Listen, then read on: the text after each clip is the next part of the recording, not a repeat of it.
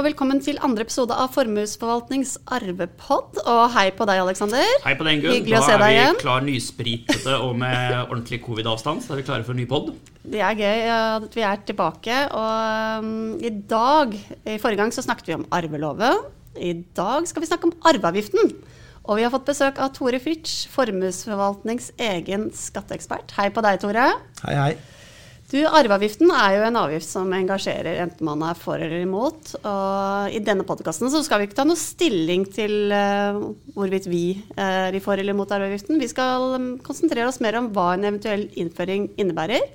Når vi tror kanskje at den kan bli innført, og hva, hvilke tilpasninger man må gjøre allerede nå. Altså hvilke verdier som egner seg godt å overføre nå, og hva man bør vente med. Eh, Men Aleksander, jeg tenkte det ikke, skal vi høre litt om hvor eh, lang historikk har arveavgiften? Ja, du, er, du er klar for dagens historietime? Ja, jeg er klar for en liten historisk innføring. Da, kjære Ingunn. Nei, Vi skal faktisk helt tilbake til, til 1700-tallet, den gangen det het Danmark-Norge. Og vi fikk denne, en forordning uh, som innførte arveavgift. Og Den gangen så var det sånn at det var 4 eh, avgift på arv til alle andre enn ektefelle og livsarving, altså barn og foreldre. Og Det var også noen unntak for noen søsken, og bo under 100 riksdaler var fritatt fra avgift. Uh, Så, så den er jo ganske gammel. Uh, og i motsetning til veldig mange andre skatter og avgifter, så har jo aldri arveavgiften vært ment for å påvirke folks atferd. Altså, jeg tror ikke folk dør mer eller mindre avhengig av om vi har arveavgift. Så, liksom, kanskje noen som tenker at ja, jeg skal holde meg i live uh, til avgiften forsvinner eller avgiften kommer, men, men det, er, det er sjelden liksom mulig å styre på bakgrunn av det. Det, handler til syvende og sist om å uh, fordele uh, skatteinntekter. Ja, Altså, bare en ekstra måte å få Ja. inntekter til staten på, rett og slett. Ja. Og så er det ikke sånn at dette har vært noe som bare venstresiden har heid frem. Eh, hvis vi går tilbake til, til midten av 1800-tallet, så, så var bl.a. den konservative stortingspolitikeren Anton Martin Sveigård han var jo en, en forkjemper for, for å opprettholde og ha arveavgift. Altså, han var opptatt av, som han sa i Stortinget, at arveavgiften er jo Eller arv er egentlig en ganske komfortabel måte å få ting på, og erverve eiendeler på. Og det skulle bare mangle at man ikke også måtte betale litt skatt. Det var jo mange andre mye hardere måter å skaffe seg eiendeler og inntekter på en arv, som man måtte betale skatt av. Høres litt ut som uh, måten SV argumenterer på i dag. Jeg tror i hvert fall denne rettferdighetstanken den har ligget til grunn for arveavgiften. Og staten trenger skattepenger, og da må man finne måter å ta inn skattepenger på, og kanskje på den måten som skader minst. Men er ikke argumentene mot arveavgift nettopp at den kan ramme hardt? Ja, det har i hvert fall vært, Hvis man ser litt på hva har vært hovedargumentene mot, så er det jo det at øh, ikke minst har man fremholdt at arveavgift har gjort det nødvendig å ta verdier ut av familieselskaper, ut av familiebedrifter. Og det har jo truet både ja, det kan true næringsliv og det kan true arbeidsplasser, så det har jo vært et viktig argument mot. og eh, andre ting som har kommet opp, er der man har hatt kostbare eiendommer, særlig fritidseiendommer kanskje, at, at arveavgiften har gjort det nødvendig å selge de.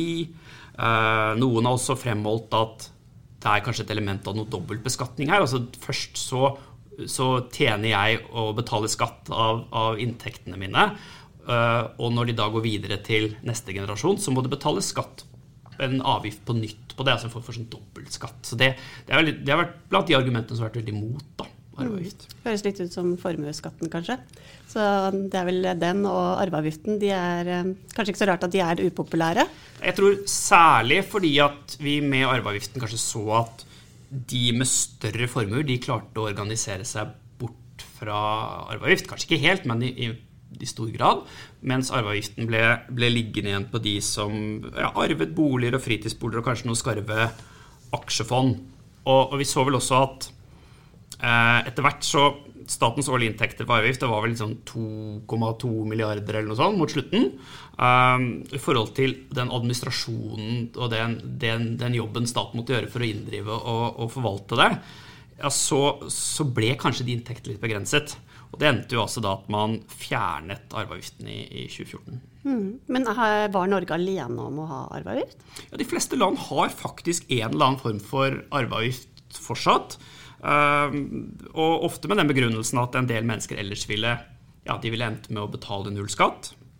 Men det finnes også land som har fjernet det. Jeg synes det er, en, det, er en, det er en litt sånn søt historie fra, fra, nabolandet vårt Sverige. Hvor vi hadde en som, som, jobbet over flere år med et stort doktorgradsprosjekt og, og, og akkurat på arveavgift i Sverige. Og han, han, disputerte og tenkte at nå skal jeg bli liksom tidenes ekspert på arveavgift i Sverige. Her ligger alle, alle veier åpne for meg. Og så gikk det egentlig bare veldig kort tid, jeg tror vi snakker liksom innen år eller noe sånt, så, så, hadde plutselig noen politikere møttes i Riksdagen, og så bestemte de seg at uh, du, arveavgift det er kanskje ikke så smart å ha. Det er jo mange argumenter mot. Og så ble den fjernet omtrent over natten.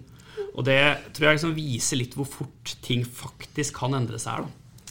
Eller kanskje at man ikke skal ta doktorgrad på en avgjørelse. Ja, det er kanskje at, at Man eh, må finne hvilken hest man satser doktorgraden ja, på. Finne en annen måte. En annen, et annet tema som kanskje er litt mer eh, varig. Men eh, Tor, eh, hvis en arveavgift kan forsvinne så brått, betyr det at den også kan komme tilbake ganske brått, da? Ja, det, det, kan den jo. Og det er jo veldig mange som eh, frykter at den skal komme tilbake. Eh, vi har, eh, eller jeg har kunder som er sikre på at den kommer tilbake. Og, og eh, når jeg da skal svare på kommer arveavgiften tilbake, så, så, skulle jeg veldig gjerne hatt den krystallkulen. For det at ikke bare skal man gjette hva som skal skje i fremtiden, men fremtiden er rett rundt hjørnet. Fordi at her er spørsmålet hvordan får vi et sammensatt storting etter valget til høsten? Og vil det medføre at vi får en gruppe som blir mektig nok til at det kan gjeninnføres arveavgift. Og det er, det er jo fryktelig spennende. Så du tenker at du heller skulle vært valgekspert enn skatteekspert akkurat nå? Eh, det blir vel en sånn kombinasjon. Nei, Som skatteekspert så er jo det veldig komfortabelt. fordi at jo mer endringer som skjer, jo mer morsomt er det for oss som jobber med det, jo mer utfordringer får vi jo. Men altså, jeg for min del har jo nå de siste par årene gått rundt og sagt at jeg kan vedde en god flaske vin på at vi ikke har arveavgift i 2022. Og det er fordi at jeg tror at det er mindre enn 50% sjanse for at arveavgiften kommer tilbake. Og så kan jo alle finne ut i løpet av relativt få måneder om jeg har rett i det eller ikke. Så hvor mange flasker vin må du ut med da? Det, det er problemet, for jeg har hatt dette på noen kurs, og der er det noen som har villet vedde imot. Og så vet de hvem jeg er, og jeg aner ikke hvem de er, så jeg har sluttet med disse veddemålene. Det kan, kan, bli dyrt. Men, men greia er rett og slett at selv om jeg sier at jeg i mitt hode som dette er en mer eller mindre kvalifisert gjetting, tror at arveavgiften ikke er tilbake i løpet av neste år, så, så, har jeg råd til å tape en flaske vin. Men jeg anbefaler jo at kundene som kan tape veldig mye mer, at de tilpasser seg de som kan det. Fordi at eh, det er en del ting som bør overføres. Altså, jeg tenker som så Vi har null arveavgift i dag. Kan det bli bedre enn det? Kommer vi til å få arvetilskudd? Nei, det er vi helt sikre på. Det, det, det, kan ikke bli bedre rent økonomisk. Vi får ikke penger for å arve Nei, nei det, det, er vi helt sikre på. Det tror jeg kan sette to streker under. Men så når vi er på null, så kan det altså bare bli verre. Det blir like bra eller like ille, eller verre. Det er det som kan skje i framtiden. Så derfor er det jo per definisjon riktig å tilpasse seg i dag av hensyn til at det er en liten sjanse for at det kan bli verre. Og er den lille sjansen er den 10 eller som noen andre mener, 100 mm. så, så, derfor er det økonomisk riktig å tilpasse seg. Og, og, sånn gir jeg da råd. Og så sier jeg at hva er de personlige grunnene til at man ikke skal overføre ting i dag? Men bare Før du går så langt, Tore. Hva tenker du taler for da, at det kommer en arveavgift tilbake? Eh, arveavgiften ble jo fjernet som en symbolsak hovedsakelig for Fremskrittspartiet. Jeg vil jo tro at det er en symbolsak for partiene på venstresiden å få den gjeninnført. Eh, man kan bruke koronaen som et argument. Vi må ta et felles løft. Vi har brukt mye av de felles reservene våre. Sånn at den situasjonen vi er i i dag, kan jo være ytterligere en faktor som sier at ja, nå, nå må vi alle sammen eh, yte litt mer. Og hvor er det eh, pengene er? Jo, det er en god del store midler som blir overført fra generasjon til generasjon. Mm. Og hva taler imot, da? Det har jo vært en veldig upopulær avgift. Altså, det, det, er, det, er litt, altså, nå skal vi ikke si hva som er riktig eller galt, for dette er jo mer et politisk spørsmål. Men, men det var på en måte den, den jevne mann syns jo det var ille, selv om han arvet ganske lite, at det skulle komme en, en ekstra skatt på, på denne, denne type ting. Eh, så, så, det er det først, som først og fremst taler imot. Og, og politikere er jo populistiske. Men det er jo bare å vri litt på avgiften med, med, med store fribeløp, så, så, rammer den ikke det store flertallet. Men, men altså, skal det bli noe penger, så må den jo ramme en god del. Ja, for Hvordan tror du liksom arveavgiften vil bli sydd opp hvis den først kommer tilbake? Ja, når, vi, når, vi, tenker oss at vi får tilbake en arveavgift, da tenker vi veldig mye på at vi får tilbake noe som var ganske likt det vi hadde. Jeg tror det kommer til å være enkelte endringer. Jeg tror bl.a. at vi har et system nå som er åpent for at vi ikke får en oppjustering av inngangsverdien. Altså, da vi hadde arveavgift, var det kjempegunstig å arve fast eiendom. Mellom 2009 og 2013 så arvet du en eiendom. Du fikk oppjustert inngangsverdien, og det kostet deg 10 arveavgift. Og du slapp å betale en betydelig skatt med en prosent som den gang var 28 eller høyere. Ja, Med inngangsverdi så tenker du da det som blir utgangspunktet for den gevinsten du måtte ha hatt. Da vil ja. si at, at, eh, at, det er en bolig som, eh, som mine foreldre eh, kjøpte veldig billig for veldig, eller besteforeldre for det veldig, veldig mange år siden. Og når, når, jeg arvet den, så kunne man da, da gjorde man en vurdering av hva er verdien nå. Og så betalte jeg arveavgift basert på, på det. Men da var det den verdien som var utgangspunkt når man i fremtiden skulle selge igjen. Det er, det er riktig. altså Arveavgiftsgrunnlaget som ofte ble satt lavt før, mm. eller riktigere før, eh, ga en, en, et gunstig utgangspunkt i forhold til å snu seg rundt og selge. Akkurat dette med, med arvelaters egen bolig og fritidseiendom, så har vi veldig gunstige regler i dag også. For der får vi en oppjustering av inngangsverdien. Så, så jeg, men jeg tror at eh, vi, får en, vi får overta Vi går inn i arvelaters skatteposisjoner. Og det kan bli en viss skjerpelse i forhold til hva vi hadde. Jeg vil også tro at skal vi få en arveavgift, så bør også satsene være litt høyere enn de 10% som eh, vi hadde fra 2009 til 2013 som høyeste sats. Det er eh, en arveavgift på 20-22% ja, Det ville ikke overrasket meg. Og selv med en sånn sats så vil vi ligget lavere enn de fleste andre europeiske land når vi snakker om toppnivå på arveavgift. Danmark har en litt annen modell, har de ikke det? Eh, Danmark eh, har vel det slik at der har de en arveavgift på boet, slik at det spiller ingen rolle om det er én eller mange arvinger. I Norge så hadde vi jo den biten at uh, fikk du fordelt arven ut på mange, så hadde alle hvert sitt fribeløp, og så fikk du pulverisert uh, den store virkningen.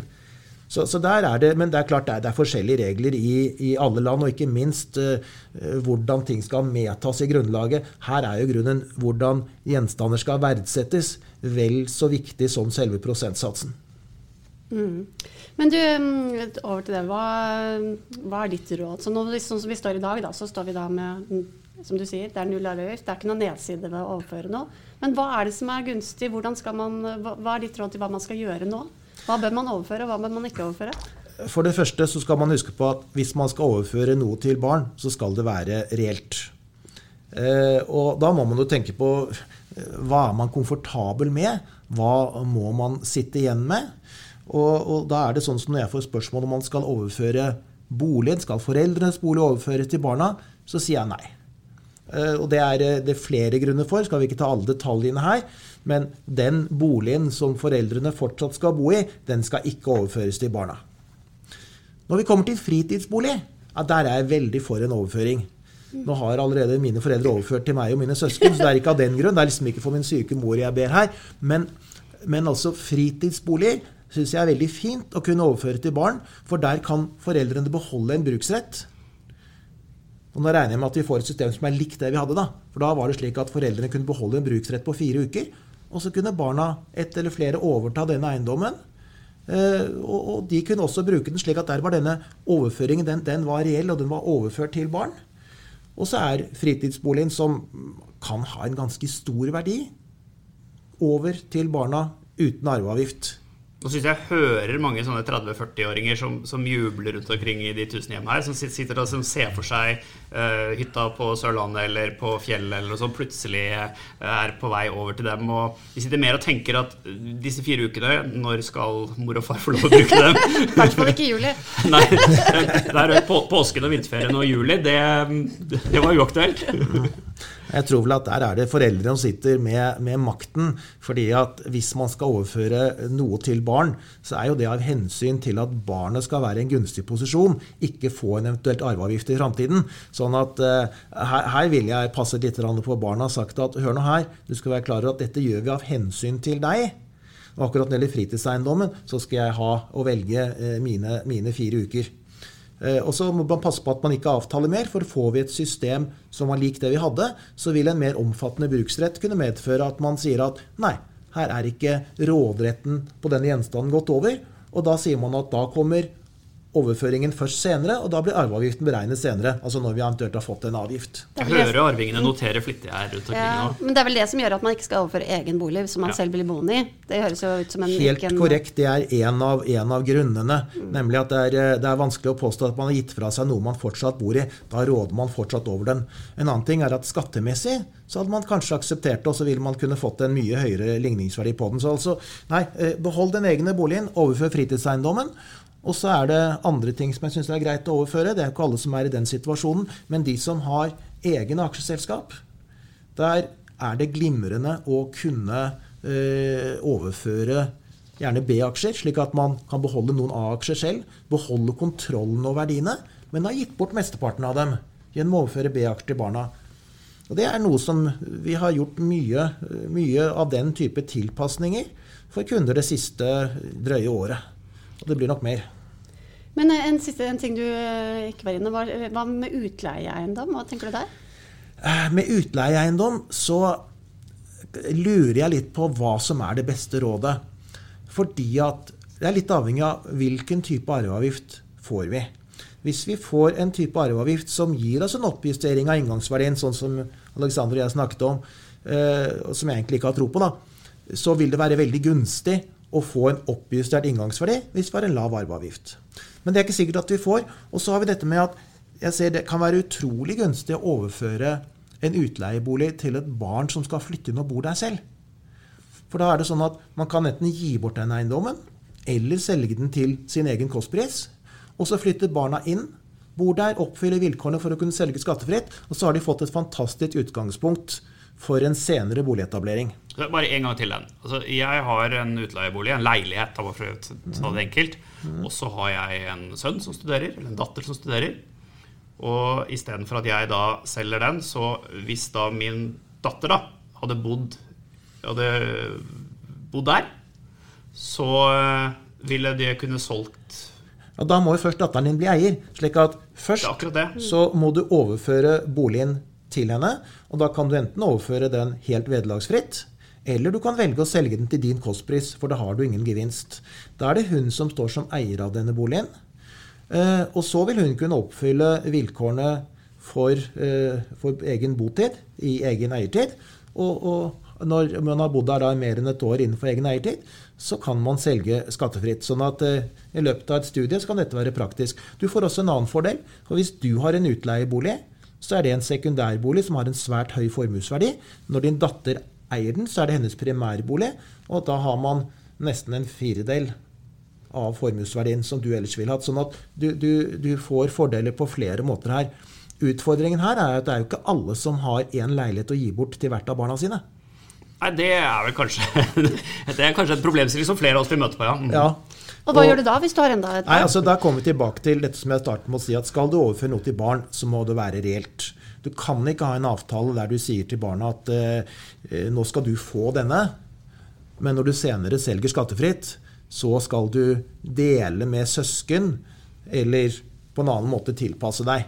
Det, det er, eh, men, men eh, av og til klarer vi å finne ganske gode løsninger på dette. Det er jo f.eks. mulig at har man eh, to barn, eh, så gir man en halvpart eh, til hvert av barna. Og så bor det ene der først, og selger sin halvdel skattefritt til det neste som så bor der under sin studietid. Og så har begge to oppfylt vilkårene for å selge skattefritt for sin andel. Kanskje merker at vi toucher inn på noe som nærmer seg litt komplisert nå. Ja, nå Eh, vi- Men eh, eh, hva får rådet være? Eh, Snakk med Tore eller andre som, som han, og, og få finne ut av hvordan dette løses best. Er det Vi er tilbake til at dette må være reelt. Ja. Ikke sant? Altså, det, det er Jeg vet ikke hvor mange ganger opp igjennom tiden jeg har fått forespørsel fra personer som har arvet en bolig for lenge siden, og så har leid ut en del år, og så spør en av ektefellene kan jeg melde flytting dit for å kunne selge skattefritt. Og så spør jeg hva med andre ektefellen da? Nei, nei, hun skal, hun skal i huset vårt. Og så skal jeg si at Du skal altså påstå at Du har flyttet fra kona, du bor reelt i denne leiligheten eller foreldrenes gamle bolig, og så bor du ikke sammen med ektefelle. Ja, jeg kommer til å være der en del. Altså, da begynner man med skatteunndragelser. Mm. Det, det, skal man ikke gjøre. Eh, eller naturligvis ikke gjøre. Men, men, det er en god del man kan uh, få på plass, men det må altså være reelt. Og denne utleieboligen, ja, hvis, det er noen, hvis man vet hvem som skal flytte inn der, så kan det være spennende å overføre i dag. Hvis ikke så ville jeg ha avventet den litt i forhold til regler. Og det er også en del som har tenkt å overføre penger til neste generasjon. Ja, Da er det viktig at det har skjedd en overføring før vi har fått en arveavgift. Og jeg tror jo det at hvis det kommer en arveavgift, så kan den komme plutselig. Arveavgiften i Sverige forsvant plutselig over natten i forbindelse med et budsjettforlik. Vi kan få den situasjonen. Nå kan jeg bare sånn tenke høyt. Hva kan skje til høsten? Vi får et ny sammensetning på Stortinget. Så får vi et utkast til statsbudsjett hvor det ikke er foreslått arveavgift. Og så kommer det en budsjettforhandling, og vips, så er den på plass med virkning fra den dato. Jeg har ikke noe tro på at den kommer fra tidligere dato. Det kommer fra den dato man presenterer et forslag hvor det er et flertall for å gjeninnføre den. Så du tror ikke på disse dommedagsprofetene som sier at den kan komme med virkning fra 1.1 i 2021? Nei, Der uh, mener jeg at det vil være en uh, lovgivning som da vil sies å ha tilbakevirkende kraft. Og det er også sånn at Her har myndighetene vært veldig forsiktige med å nærme seg den grensen. Det har jo vært andre ganger over tid hvor man har medtatt eller innført ganske drastiske endringer, men de har kommet fra forslagsdato, eh, med virkning fra den forslagsdatoen. Så det, det, har jeg tro på. Men si at den kommer over natten av, og jeg, vi har gjort noen tilpasninger i vår familie. Jeg har plutselig fått overført hytta vi har. Hvordan eh, får jeg dokumentert det, eller hvordan, hvordan får jeg dokumentert det overfor myndighetene når, dersom denne arveavgiften kommer tilbake? Altså, det blir jo litt vanskelig å si da. Ja, men jeg fikk hytta i fjor, jeg, så Det er nok mye som uh, akkurat var overført. Jo men, jo, men, jo, men, jo, det blir mye sånt ja. da, tror jeg. Ja da, det, det, det gjør det jo. Og, og, da gjelder det å ha sikret seg litt. Nå er det ikke sikkert at alt blir kontrollert. Vi kan jo tenke oss hva hadde skjedd hvis vi i oktober 7.10 får vite at det kommer arveavgift fra 1.1.22. Det er klart det hadde blitt julaften hver dag for den norske befolkning. Det hadde blitt overført veldig mye i den perioden fram til arveavgiften kom fra 1.1.22. Derfor tror jeg den kommer over natten. Mm. Og så, så, jo, så, er det jo slik at i forhold til kontanter, så er det jo lett å se når er pengene overført. Når det gjelder fast eiendom, så er det veldig mange tilfeller hvor man kan jo registrere overføringen og ta dokumentavgift på den. Det er det mange som velger å ikke gjøre. Eh, og da er det jo fint å ha en annen form for sannsynliggjøring. Sånn at når, når, når jeg da hjelper familier med dette, eh, så setter vi opp gavebrev. Vi har sendt dette på mail. Det vil være en form for dokumentasjon på at ja, jeg var i kontakt med advokaten i mars 2021. Da fikk jeg tilsendt gavebrev. Jeg har sendt disse signert tilbake. Jeg syns det er en god dokumentasjon for at det var da denne overføringen faktisk skjedde. Men det er eh, altså Eh, alt av eiendomsføringer blir ikke registrert. Aksjeoverføringer i ikke-børsnotert selskap blir jo kun registrert i aksjeeierboken for selskapet. Og så sender man beskjed til myndighetene. Så jeg ser jo at det kan være eh, grunn til å stille spørsmålstegn ved når skjedde faktisk overføringen. Og da vil denne type gavebrev som vi bruker i veldig stor grad, være en god dokumentasjon. Men du tilbake med, med selskap, for det, der nevnte du så fort, uh, veldig fort dette med hvis man har et verdifullt familieselskap. Kan ikke vi liksom gå litt mer inn på det? For det kan jo være en et, Der ligger jo ofte store verdier som kan kanskje være nytt, gunstig å overføre nå. Eh, du nevnte så vidt dette med A- og B-aksjer. Kan ikke du bare utdype litt? Hva er ditt råd der i forhold til det, hvis man nå kunne tenke seg at uh, eiendomsretten til dette selskapet skulle overføres til barna? Ja, da, da er det jo slik at i dagsselskap så er det jo én ting å eie det, en annen ting er å kontrollere det. Og det er der vi får til denne blandingen ved at vi tar inn barn på eiersiden. Og hadde vi hatt helt like aksjer, og, og, og, mor og far skulle bestemt alt sammen fortsatt, så måtte de passe på å ha et flertall. Så det vi da gjør, er at vi sier at dette selskapet her har eksempelvis 10 A-aksjer og 90% B-aksjer. Og så er det slik at A-aksjene har en større stemmerett, eller er de eneste som har stemmerett, og dermed treffer beslutninger. Det velger styret, og dermed styrer det hva som skal skje i selskapet, og det beslutter hva som kommer til å være av utbytte. Så er det jo viktig at disse, disse B-aksjene, som jeg sa at det må jo være reelt, B-aksjene må ha en verdi. Man kan ikke bare ta ut utbytte på A-aksjene. Men i mitt eksempel da med 10% A-aksjer, så kan vi overføre 90% av verdiene til barna. Ja, så da vil barna ta over alle B-aksjene, mens mor og Barna far får sitter, B-aksjene, ja. mens mor og far sitter på A-aksjene og bestemmer alt. ja. Så det er på en måte den der greia med å både spise opp kaka og likevel ha den i behold. Det, det, du, det du sier, Tore, er jo at altså, hvis du eier en aksje, så, så har du noen økonomiske rettigheter knyttet til det. Kanskje rett på utbytte, rett til å disponere over den. Og du har noen mer sånn organisatoriske. Du kan ha en medbestemmelsesrett, eller du har en kontroll da, hvis du eier store deler.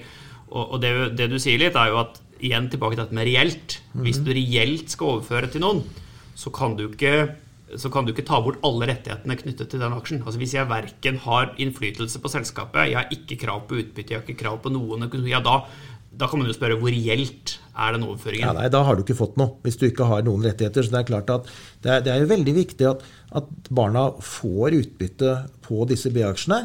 Du kan ikke bare ta ut utbytte på, på aksjene. Eh, og, og eh, hvis vi da får en arveavgift, så er det jo ikke så unaturlig at man går tilbake og ser på at ja, når fikk barna B-aksjer? Og, og hvordan har disse B-aksjene faktisk hatt rettigheter? Fikk de utbytte før de fikk arveavgift, ikke sant? Eller var de likestilt? De er jo likestilt med A-aksjene hvis det ikke kommer noe utbytte i det hele tatt til 21. Da er det jo likestilt. Eh, Sånn at eh, det kan bli mye spennende detektivarbeid for eh, skattemyndighetene hvis de får en arveavgift og de tar for seg dette. Så, men det er en aktuell problemstilling. sånn at her må man passe på at man holder seg innenfor de grenser. Og så er jo vi, vi vet jo bare hvordan grensene var. Jeg vet jo ikke hvordan grensene vil være i et nytt lovverk. Så det er jo, det er jo veldig spennende og morsomt, dette her. altså. Ja, det, det vi i hvert fall har sett litt noen ganger, er jo at man la oss si at vi har en, har en familiebedrift, og så kommer det en møter man deg, da, Tore, eller en annen skatterådgiver, og så sier man ja, men det er lurt å, er lurt å overføre. Og, så, og det kan være et absolutt godt råd, men så, så må man huske at når man da overfører dette reelt, så blir jo barna aksjonærer. De, de overtar kanskje og eier til og med kanskje størstedelen av aksjene, som du, som du sa. Og da er det jo, øh, synes jeg det er godt råd at man samtidig setter seg ned og tenker ok, hva innebærer det? Hvordan bør vi, Kanskje vi bør inngå en aksjonæravtale som sier noe om hvordan vi skal eie dette selskapet sammen. For det kan være litt vanskelig å komme fem år etterpå, når du har fått det rådet om at den aksjonæravtalen burde være øh, opprettet, og barna har allerede vært eier av disse aksjene i fem år til vi begynte å få litt utbytte, og sier at ja, forresten, så bør vi inngå en avtale som begrenser rettighetene deres litt. Grann.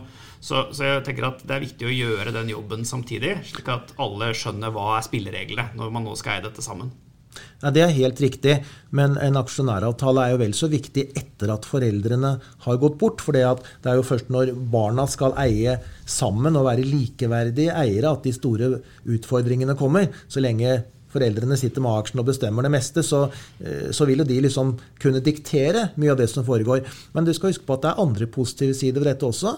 Vi ser at det er veldig mange som har eh, en viss glede av at barna er med på laget, lærer litt om selskapet, eh, er med på en opplæringsperiode. Og Det synes, tror jeg kan være veldig positivt, framfor at, at barna holdes utenfor til den dagen foreldrene faller fra.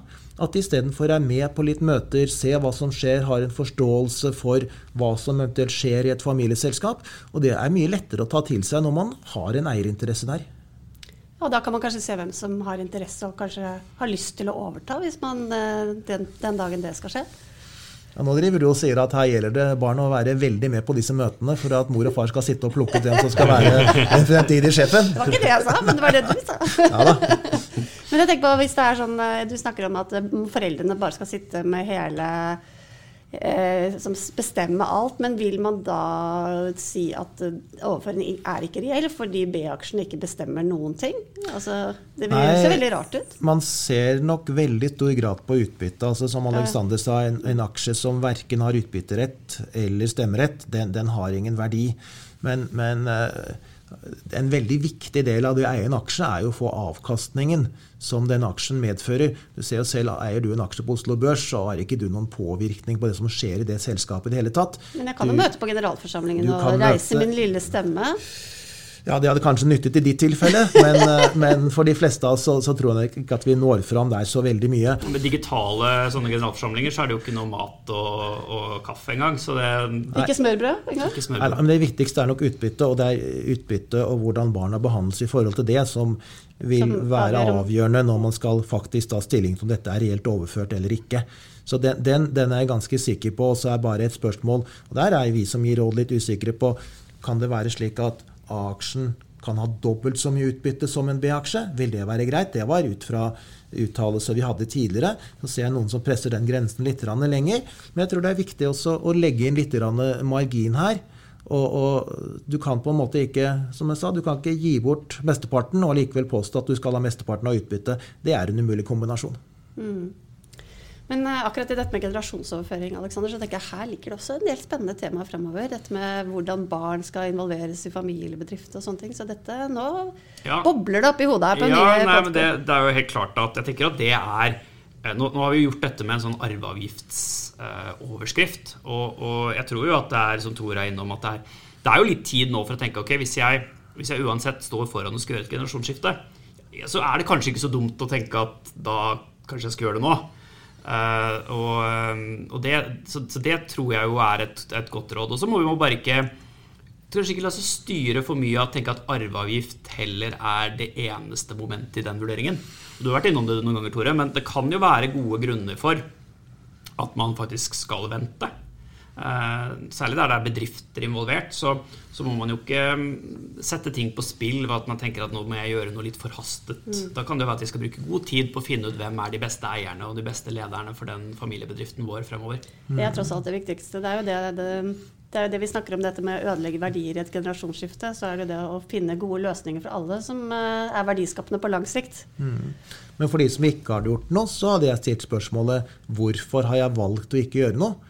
Fordi at det er veldig mange grunner et, Nærmest en sånn forsikringsprinsipp. Er det noe jeg kan overføre nå som jeg syns er i orden, uten at det påvirker meg så altfor mye? Og Hvis svaret på det er ja, så syns jeg dette er noe man bør sette i gang med, eventuelt få noe hjelp med. Selv om vi tror at det er lite sannsynlig at vi får avgift. Altså, Hvor stor sannsynlighet tror du det er for at huset ditt brenner? Men brannforsikring, det har du. Jeg har det. Og det er større sjanse for at arveavgiften kommer tilbake, enn at huset brenner. Mye større. Ja, så kort oppsummert. Eh, tenk igjennom hva, om det er noe du har lyst til å overføre. Og hvis, ikke, og hvis det er noe du har lyst til å overføre nå, så det, kan det være et ok tidspunkt å gjøre det på. Hvis ikke, så er det kanskje greit å bare sitte stille. Er det det vi skal konkludere med? Da er du inne på det personlige. Det er klart at Jeg ville ikke overført store verdier til barn som er to og fire år. Altså, det, det, er jo, altså, Hva kan skje med disse? Mm. Kan jo være ødeleggende for dem. Og da er du inne på dette med at de personlige grunnene Og, og, hvis, og hvis, altså, hvis, mor og far tenker som så at alle sier at jeg skal overføre, særlig barna mine, men jeg sover ikke godt om natten om det da, altså, da, God nattesøvn er verdt utrolig mye. Jeg har jo barn i den alderen, så jeg tror jo at uh, den, den gaming uh, ressursen som ville liksom blitt, eh, blitt forløst hvis de fikk en stor arv nå. Den, eh, det hadde vel gått i Brawl Stars og Minecraft og alle andre ting. Jeg tror kanskje du har godt råd, Tore, at du skal vente litt med det. Ja, men da tror jeg faktisk vi er ved veis ende i denne episoden. Så, mm, så, langt i disse to første episodene så har vi snakket en del om lover og regler, og det håper jeg har vært nyttig for dere som har hørt på. Eh, jeg vil oppfordre, hvis det er noen der ute som hører på, som har spørsmål rundt arveavgift, arveloven eller andre arvetekniske spørsmål som de ønsker svar på, så send inn spørsmål på kommunikasjon.formue.no, så skal vi besvare så godt vi kan. Neste episode skal vi snakke litt mer om følelser, Aleksander. Da skal vi snakke om eh, ja, det som vi kaller for Den jævla arven. Tittelen er ikke vår, den er basert på en boktittel av Olav Brekke Mathisen. Han skal komme her og snakke litt om eh, hvilke følelser en arv kan bringe opp til deg. For han opplevde jo selv at uh, han fikk, en arv fikk fram det verste i han. Da skal vi snakke om uh, bedrifter, vi skal snakke om eiendommer, vi skal snakke om pengeskap, og vi skal snakke om bunader. Ja, hvordan, og ting man ikke er så stolt av i ettertid.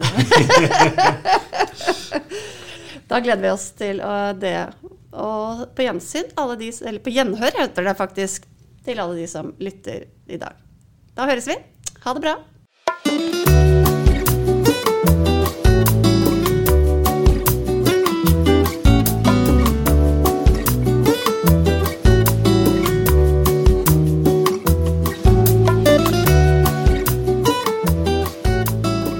En podkast fra Formuesforvaltning.